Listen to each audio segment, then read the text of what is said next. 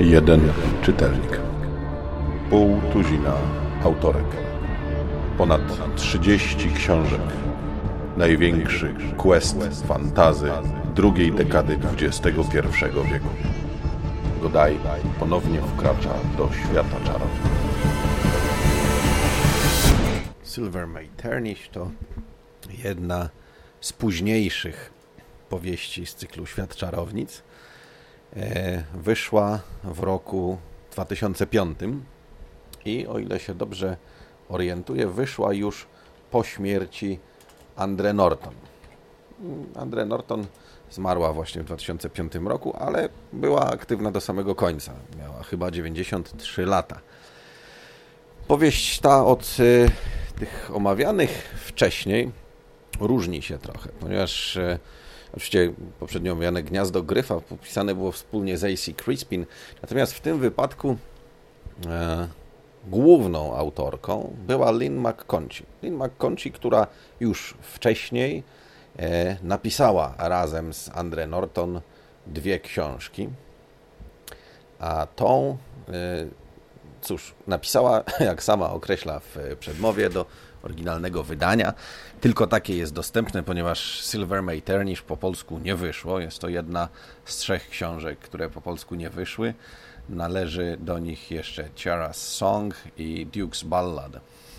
E, Lynn McConchie w tej przedmowie pisze, że napisała sobie opowiadanie ze świata czarownic. Taki fanfic. Ja to doskonale rozumiem, bo e, przecież też lubię czasem zapuścić się na cudze tereny. Ono było stosunkowo krótkie, a jednocześnie na tyle długie, że w zasadzie nie było co z tym zrobić. Wysłała je do Andre Norton i Andre Norton stwierdziła, no młoda, trzeba zrobić to tak, tak i tak.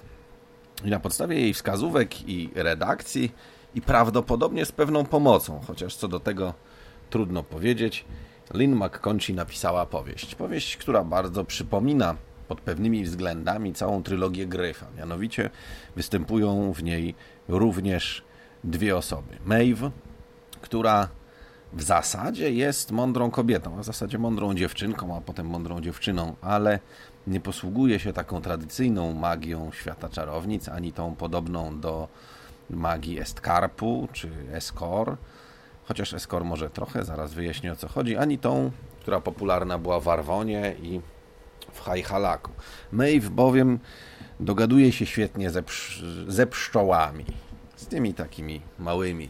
Jest ich opiekunką w małej dolinie, która zostaje napadnięta i w całości zniszczona przez bandytów, za co Maeve odpłaca im w taki sposób, jaki umie, bardzo stosowny.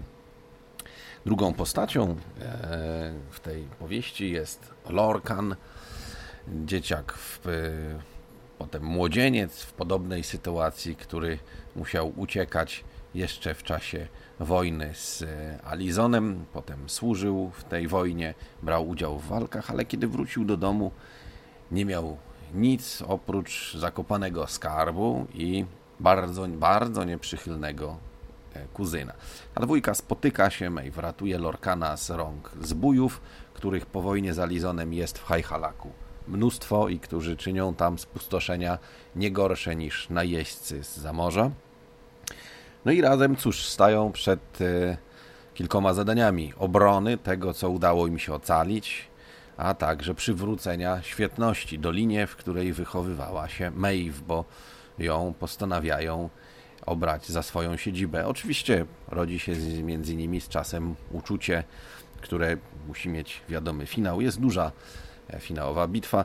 Pod e, względem kompozycyjnym powieść ta przypomina trylogię Gryfa, ponieważ są tam właśnie duże fragmenty pisane z perspektywy Maeve pierwszoosobowo i z perspektywy Lorkana również pierwszoosobowo. Różnica jest taka, że e, nie przeplatają się one na zmianę rozdziałami, tylko w takich większych partiach. No, myślę, że można się szybko przyzwyczaić, e, zwłaszcza jeżeli ktoś z Was zadał sobie ten nieszczęsny trud i czytał poprzednie tomy. Jest na tym etapie co ja, to to wtedy nie będzie zaskoczony. Jest to całkiem niezła powieść, muszę przyznać. Mm, jest trochę inna, widać pewien powiew świeżości. Autorka zresztą puszcza oko do czytelników. Jest na przykład kotka nazwana imieniem legendarnej postaci z najstarszych legend datujących się na czas przybycia ludzi z dolin do Hajhalaku, e, czyli głównej bohaterki Korony z Jelenich Rogów i parę innych drobiazgów. E, to książka, o której bardzo długo czytając ją myślałem, że mogłaby rozgrywać się w dowolnym świecie, a świat czarownic jest dla niej tylko takim sztafarzem. Z jednej strony myślałem, że to może nie jest dobrze, a z drugiej właśnie chyba wręcz przeciwnie. Jest to całkiem na, sprawnie napisana powieść fantazy z ciekawymi bohaterami i generalnie rzecz biorąc to zmęczenie materiału, które mnie dopadło, e, Silver Ternish w pewien sposób zniwelowało. A przy tym jest to książka, nawet jeżeli jest to tylko sztafaż, tak idealnie osadzona w e, mitologii i w, całym klimacie Hajhalaku i, i tego zachodniego kontynentu, że no cóż, gdyby zabrakło tego sztafarzu i został on wyposażony, ona została wyposażona w jakiś inny, to myślę, że też sporo by straciła.